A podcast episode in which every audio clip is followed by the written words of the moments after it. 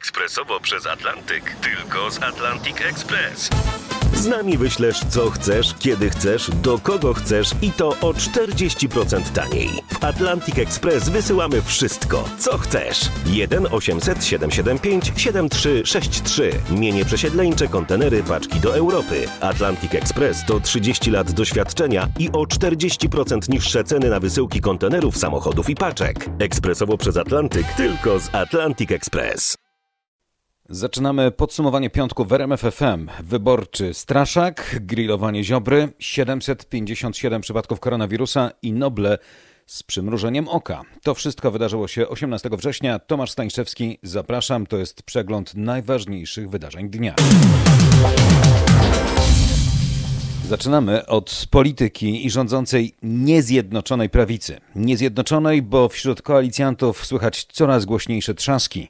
Piątek rozpoczął się w RMFFM od mocnych słów posła Prawa i Sprawiedliwości Marka Suskiego. Koalicji rządzącej Polską już nie ma usłyszał o poranku od swojego gościa Robert Mazurek. Koniec świata y, na antenie koniec Radia świata? RMF? Nie, tak. to nie jest koniec świata, to jest koniec koalicji i prawdopodobnie rząd mniejszościowy. Ale w Polsce rząd mniejszościowy już kilkakrotnie rządził i nawet długo, pół Rząd roku. mniejszościowy oznacza albo konieczność kaptowania posłów i przeforsowywania swoich ustaw no, za cenę pewnych ustępstw, albo nie podejmowania żadnych ważnych decyzji, bo po prostu będziemy administrować. Zresztą taki rząd i tak nie przetrwa do mm, wyborów w normalnym ustawowym czasie, prawda? No to czy przetrwa, czy nie przetrwa, to jeszcze jest e, przed nami. Natomiast rzeczywiście łatwo nie będzie, to prawda. W takim razie trzeba ten, ten, ten film przewinąć do końca, do napisów. A napisy są takie, e, że będą w takim razie przyspieszone wybory. Bo ja nie wierzę w to, że da się rządzić krajem z mniejszo, mniejszościowym rządem przez trzy lata. No, to rzeczywiście jest trudne wyzwanie, no ale trzy lata to okres długi, przyszłość nieznana. Dobrze, ale to- na dziś ko- koalicji nie ma i jesteśmy zdecydowani na rząd mniejszościowy. Marek Suski w RMF FM. Godzinę później, już w Sejmie, pojawił się szef klubu parlamentarnego Prawa i Sprawiedliwości Ryszard Terlecki. Czy naprawdę jedność koalicji rozbije się o sejmowe głosowanie w sprawie nowelizacji ustawy o ochronie zwierząt? Prowadziliśmy od e, e, dwóch tygodni mozolne rozmowy, mm, które miały doprowadzić do e, rekonstrukcji rządu. No one się załamały wczoraj po głosowaniach w sprawie, na której nam zależało. Nasi koalicjanci bądź głosowali przeciw, bądź się wstrzymali. No i z tego oczywiście trzeba wyciągnąć konsekwencje.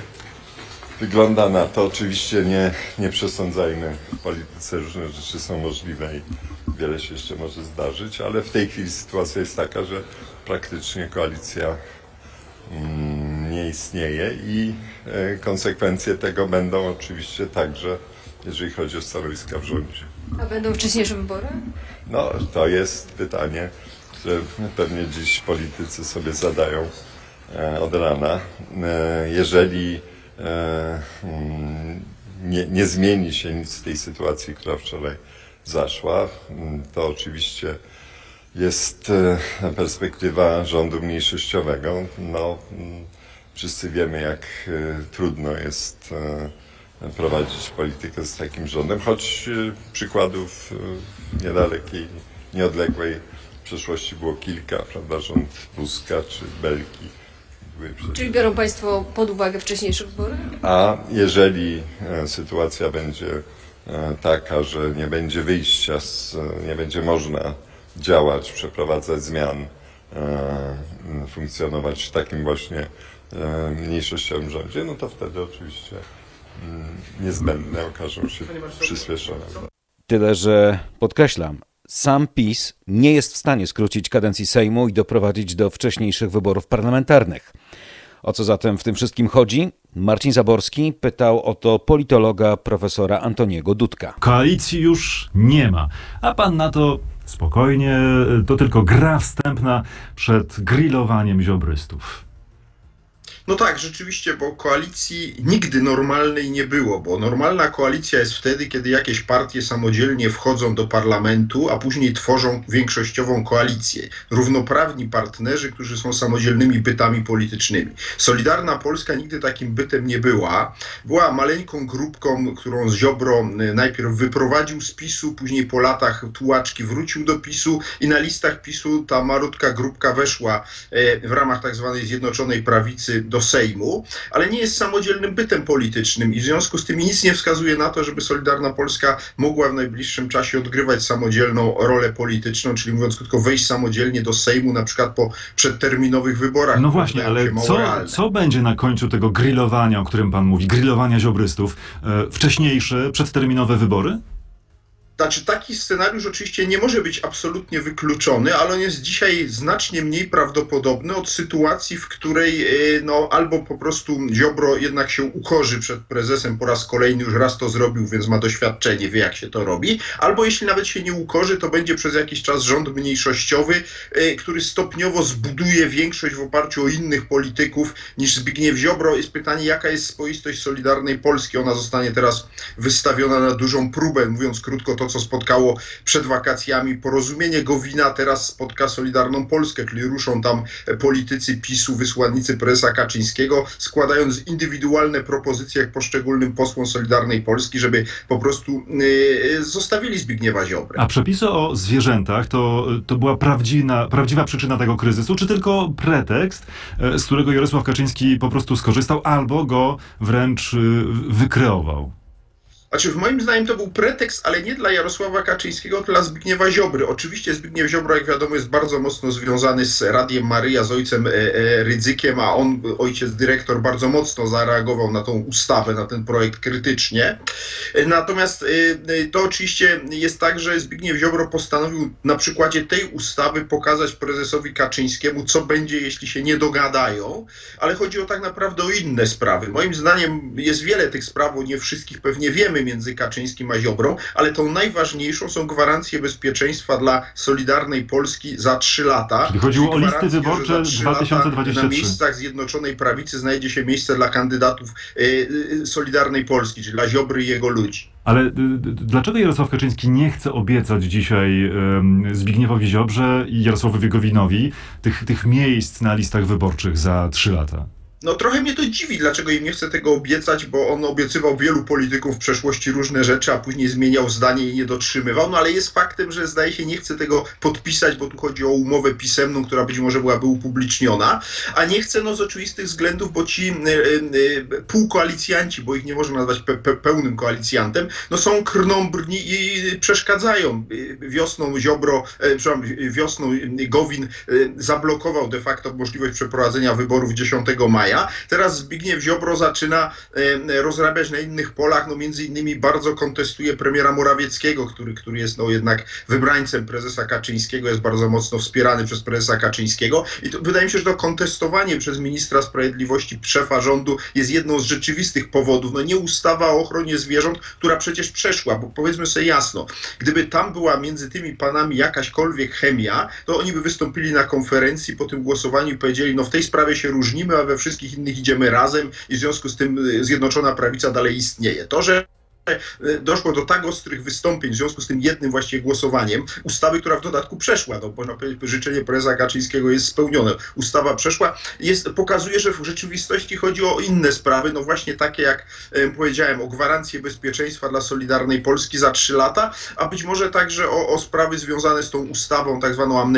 amnestyjną czy abolicyjną, która ma uchronić, ma uchronić wicepremiera Sasina i premiera Morawieckiego przed odpowiedzialnością za no, Y, te, te wybory nie doszły. I tak, y, zamykamy wyborczą pętlę. Cała popołudniowa rozmowa w RMFFM z profesorem Antonim Dudkiem jest na rmf24.pl, a o tym, jak trudna jest droga do przedterminowych wyborów, Niech świadczy fakt, że w ciągu 23 lat obowiązywania obecnej konstytucji tylko raz doszło do skrócenia kadencji Sejmu.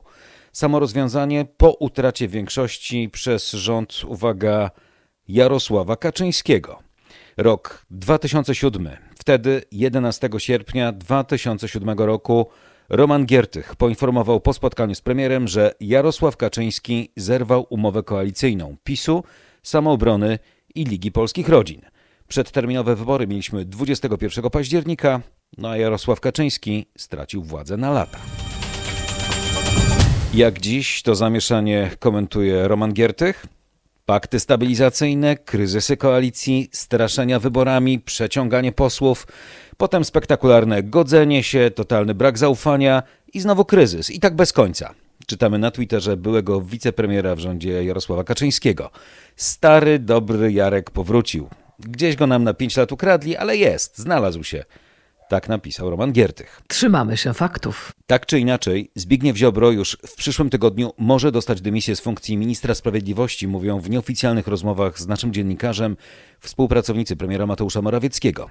To są informacje Patryka Michalskiego. Patryku, wyrzucenie Ziobry z rządu jest realne? W sytuacji tak potężnych napięć każda informacja przekazywana przez poszczególne stronnictwa tego sporu jest elementem walki, takiego myślenia życzeniowego. Moje rządowe źródła przekonują jednak, że zdymisjonowanie Zbigniewa Ziobry jest bardzo prawdopodobne. Uratować mogłoby według nich wyłącznie poskromienie ambicji swoich współpracowników i oddanie hołdu lennego Kaczyńskiemu. Na to zgody w Solidarnej Polsce nie ma. Posłowie tej formacji są za to przekonani, że prezes PiSu celowo podgrzewa konflikt, bo jak mówią w kuluarach, być może sam chce zostać premierem. Ważni politycy PiSu reagują na to śmiechem i odpowiadają, że gdyby prezes PiSu chciał być szefem rządu, to po prostu zostałby nim. Jedno jest pewne, ambicje premiera, by wyeliminować Zbigniewa Ziobrę z rządu pogłębiają i tak największy kryzys w Zjednoczonej Prawicy od początku jej istnienia. Dlatego pojawiają się różne dziennikarskie scenariusze tej podjazdowej wojny w Zjednoczonej Prawicy. Czy PiS chciał podpisać nową umowę koalicyjną tylko z porozumieniem Jarosława Gowina, z pominięciem Solidarnej Polski Zbigniewa Ziobro? Czy konflikt ma może szerszy kontekst niż ustawa futerkowa o zwierzętach? Czy Jarosław Kaczyński i Mateusz Morawiecki są przekonani, że minister Ziobro im grozi, a co więcej, może użyć prokuratury? W RMFFM sprawdzajcie fakty. A teraz kolej na wasz głos tej sprawie. Jak to mówił poeta, polityka to w krysztale pomyje? Marek Suski powiedział dziś, że koalicji od wczoraj już nie ma i że koalicjanci mogą już pakować biurka. No i dobrze, będą wybory, wcale mnie to nie martwi. Oczekuję nawet tego. Akurat przedstawiciele PiSu zawsze tak gadają, byle zamęcić w głowie Polakom. Oni nigdy nie realizują polityki prospołecznej, oni realizują politykę propartyjną. Co w takim razie z rządem? Niech będzie mniejszościowy, niech spróbują to, co zaczęli, dalej kontynuować. Będą, są i na pewno zostanie PiS, proszę pana. To wyborcy o bieżących wydarzeniach politycznych. Przepytanie we Wrocławiu przez reportera RMFFM Pawła Pyclika. 757 nowych zakażeń koronawirusem w Polsce i 17 kolejnych ofiar. Ostatniej doby, jak czytamy w raporcie Ministerstwa Zdrowia, wykonano w Polsce ponad 21 tysięcy testów. Najwięcej nowych przypadków po raz kolejny wykryto w województwie małopolskim 92, potem mazowieckie 88, łódzkie 77, wielkopolskie 75 i pomorskie 73. To jest pierwsza piątka tego koronawirusowego zestawienia. We wspomnianej Małopolsce już 18 osób, w większości pacjentów, ma dodatni wynik testu na koronawirusa w Instytucie Onkologii w Krakowie. Dlatego część pacjentów stamtąd ewakuowano do innych szpitali. Jak dowiedział się nasz reporter, pierwszy przypadek zakażenia wykryto w instytucie już tydzień temu. Dlaczego zatem zareagowano dopiero teraz? Na to pytanie niestety nie udało się uzyskać odpowiedzi. Oświadczenie w imieniu dyrekcji odczytał jeden z lekarzy, który nie chciał odpowiadać na pytania. Pierwszy zarażony pacjent miał być w placówce już tydzień temu. Dyrekcja jednak nie tylko nie informowała o tym fakcie, ale nie wstrzymała też przyjęć pacjentów onkologicznych, pośrednio narażając ich na niebezpieczeństwo zakażenia. Teraz się okazuje, że zakażonych jest 15 pacjentów i trzech pracowników. Oddział zamknięto, a część pacjentów już ewakuowano do innych placówek. Pacjenci są bezpieczni, w zdecydowanej większości podkreślam bezobjawowi. Sukcesywnie przekazywani są do oddziałów zakaźnych w Krakowie bądź izolatoriów. Obecnie tych pacjentów na oddziale mamy siódemkę. Tymczasem ja przepraszam Państwa, bo obowiązki codzienne wzywają. Dzięki. Mówił dr Paweł Pytel z Zakładu Medycyny Nuklearnej Instytutu Onkologii w Krakowie. A te fakty zebrał reporter RMFFM Marek Wiosło. Koronawirusem zmagają się też szkoły. W tej chwili w trybie mieszanym pracuje już 246 placówek oświatowych w Polsce, 80 szkół wyłącznie w trybie zdalnym. To są dane Ministerstwa Edukacji Narodowej. W dobie pandemii niebezpieczna jest m.in. organizacja hucznych klasowych osiemnastek. Tak jest m.in. w liceum ogólnokształcącym nr 5 w Olsztynie, gdzie u jednego z uczniów, który był uczestnikiem takich właśnie urodzin, potwierdzono koronawirusa. Szkoła musiała przejść na nauczanie zdalne, a na kwarantannę wysłano około 200 osób. Tutaj apel y, przede wszystkim do rodziców, aby jednak zwrócili uwagę na to, że 18 urodziny, impreza pewnie hucznie y, organizowana, w konsekwencji y, może być bardzo niebezpieczna nie tylko dla, dla młodego człowieka, nie tylko dla jego towarzystwa, ale dla całej społeczności szkolnej. Apeluje dyrektor Olsztyńskiej Piątki Anna Strug. U naszych południowych sąsiadów Czechów w ciągu ostatniej doby zdiagnozowano 3130 nowych zakażeń koronawirusem, a to oznacza, że po raz pierwszy od początku pandemii liczba wykrytych infekcji przekroczyła 3000. Te dane sugerują, że pandemia w Czechach gwałtownie przyspiesza. Nowych zakażeń jest prawie o tysiąc więcej niż w czwartek, kiedy liczba zainfekowanych po raz pierwszy przekroczyła 2000. Teraz mamy 3000, a Czechy, podkreślam, były dotychczas jednym z najłagodniej dotkniętych pandemią krajów Europy. To nie fikcja, to fakty. Przełom w śledztwie w sprawie afery Getback. Prokuratura chce aresztowania Leszka Czarneckiego. Jak dowiedzieli się reporterzy śledczy RMFFM, wniosek prokuratury regionalnej w Warszawie w sprawie znanego biznesmena jest już w sądzie. Marek Balawajder i Krzysztof Zasada przynoszą te informacje. Krzysztofie, co oznacza sam ten wniosek? Śledczy prowadzący postępowanie dotyczące tej afery znaleźli powód, by postawić zarzuty w sprawie także byłemu właścicielowi Getback, a także banków, które oferowały obligacje tej instytucji finansowej. Jest już postanowienie o postawieniu mu zarzutów. Zatrzymanie Czarneckiego nie jest możliwe, bo przebywa za granicą. Jeśli sąd zgodziłby się na tymczasowy areszt, byłaby możliwość wystawienia za biznesmenem listu gończego. Teraz Marek Balawajder. Eee, Marku, za co odpowiadać ma Leszek Czarnecki? Śledczy na tym etapie nie ujawniają zarzutów, natomiast według poszkodowanych były właściciel Getbacku, a później banków, które oferowały obligacje instytucji działającej jak piramida finansowa, także powinien odpowiadać za oszustwo. Przypomnę, w aferze poszkodowanych jest ponad 10 tysięcy osób fizycznych i blisko 200 firm. W sumie straty to ponad 2,5 miliarda złotych. Trzymając się faktów, przypominam, że do poniedziałku górnicze związki zawodowe dały premierowi Mateuszowi Morawieckiemu czas na podjęcie rozmów w sprawie przyszłości kopalń i branży energetycznej.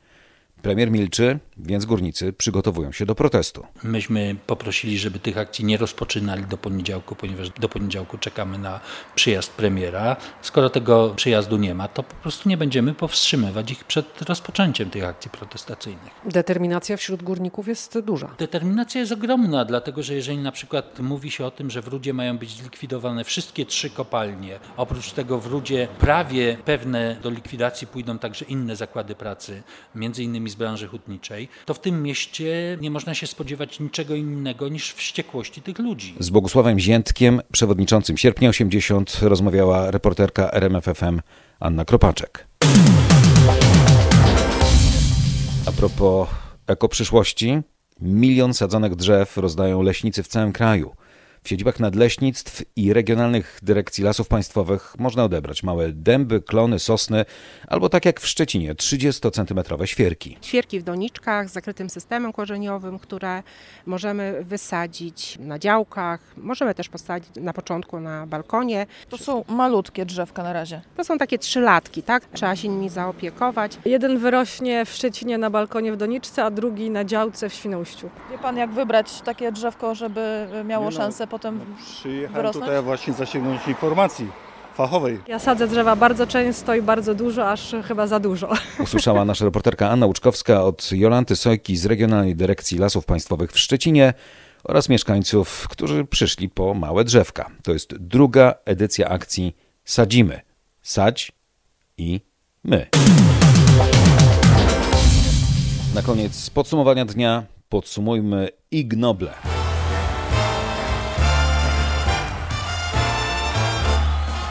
Hello, My name is Dan Schreiber. This is James Harkin, and we're one half of the podcast No Such Thing Dan Schreiber i James Harkin zaprosili w tym roku na 30. już jubileuszowe rozdanie humorystycznych odpowiedników Nagród Nobla, doroczne nagrody za osobliwe prace naukowe, które najpierw śmieszą, ale potem skłaniają do myślenia. Z powodu pandemii uroczystość miała miejsce w sieci, a to pozwoliło na udział w większości nagrodzonych. Skoro jesteśmy w radio, no to zaczynamy od Ig Nobla akustycznego.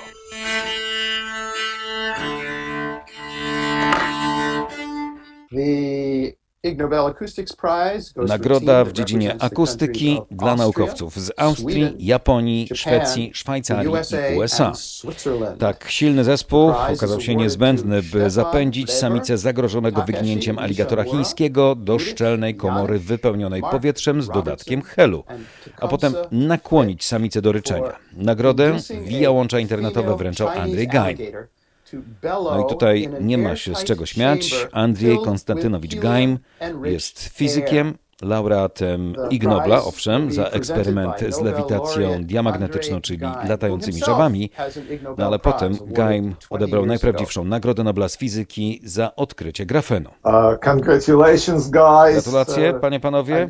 Wspaniałe osiągnięcie. Powtórzcie to za rok, ale odrobinę lepiej, bez przedrostka. IG, mam nadzieję. Co było najtrudniejsze w tej akustycznej pracy naukowej? Hard part is getting an alligator to breathe helium. Our subject was a Chinese alligator. Przede wszystkim zapędzenie samicy zagrożonego wyginięciem aligatora chińskiego do komory wypełnionej powietrzem z dodatkiem helu, a potem nakłonienie jej, by zaczęła ryczeć. Duża prędkość dźwięku w helu sprawia, że ryk wypadał raczej cieniutko. Jego częstotliwość wzrosła z 400 do 800 Hz. Nowe pomiary rzuciły światło na mechanizm wytwarzania dźwięku przez krokodyle. Zdaniem badaczy w podobny sposób wytwarzały dźwięki dinozaury. The Psychology Prize. Za cenny wkład w rozwój psychologii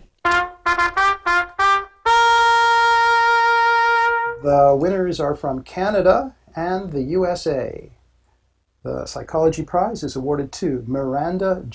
Uznano wyniki pracy Mirandy Rule Jacomin oraz Nicolasa Rula, twórców pionierskiej to metody identyfikacji osób narcystycznych poprzez badanie ich brwi.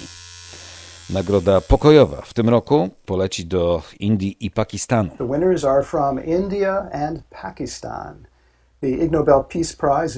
Przyznano ją rządom Indii i, jak słyszeliście, Pakistanu. W uzasadnieniu powołano się na liczne doniesienia prasowe, z których wynika, że dyplomaci tych państw potajemnie dzwonią do drzwi w środku nocy, a następnie uciekają, zanim ktokolwiek zdąży im te drzwi otworzyć.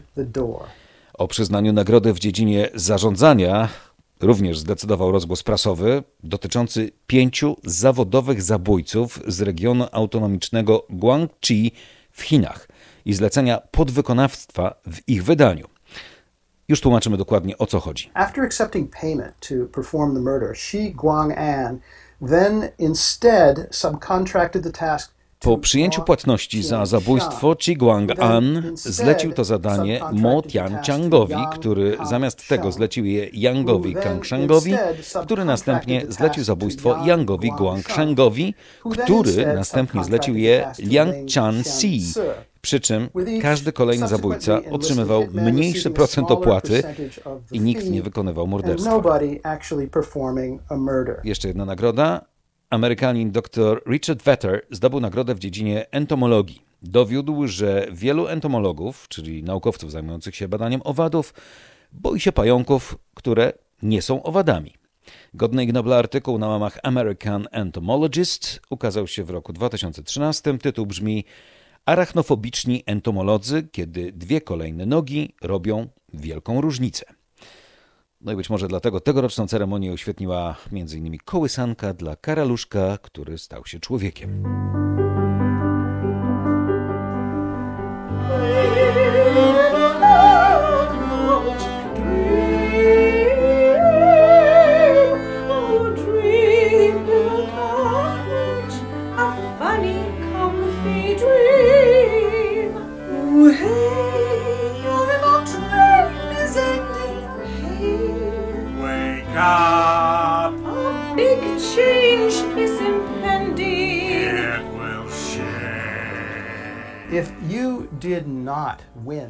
Ig Noble 2020.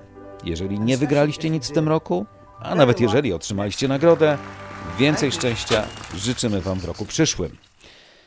No i skoro Owady, a zwłaszcza Karaluch był gwiazdą tegorocznej ceremonii, laureaci wspólnie, razem odśpiewali La cucaracha, la cucaracha. La cucaracha, la cucaracha. La cucaracha, la cucaracha. Meksykańska piosenka ludowa La Cucaracha.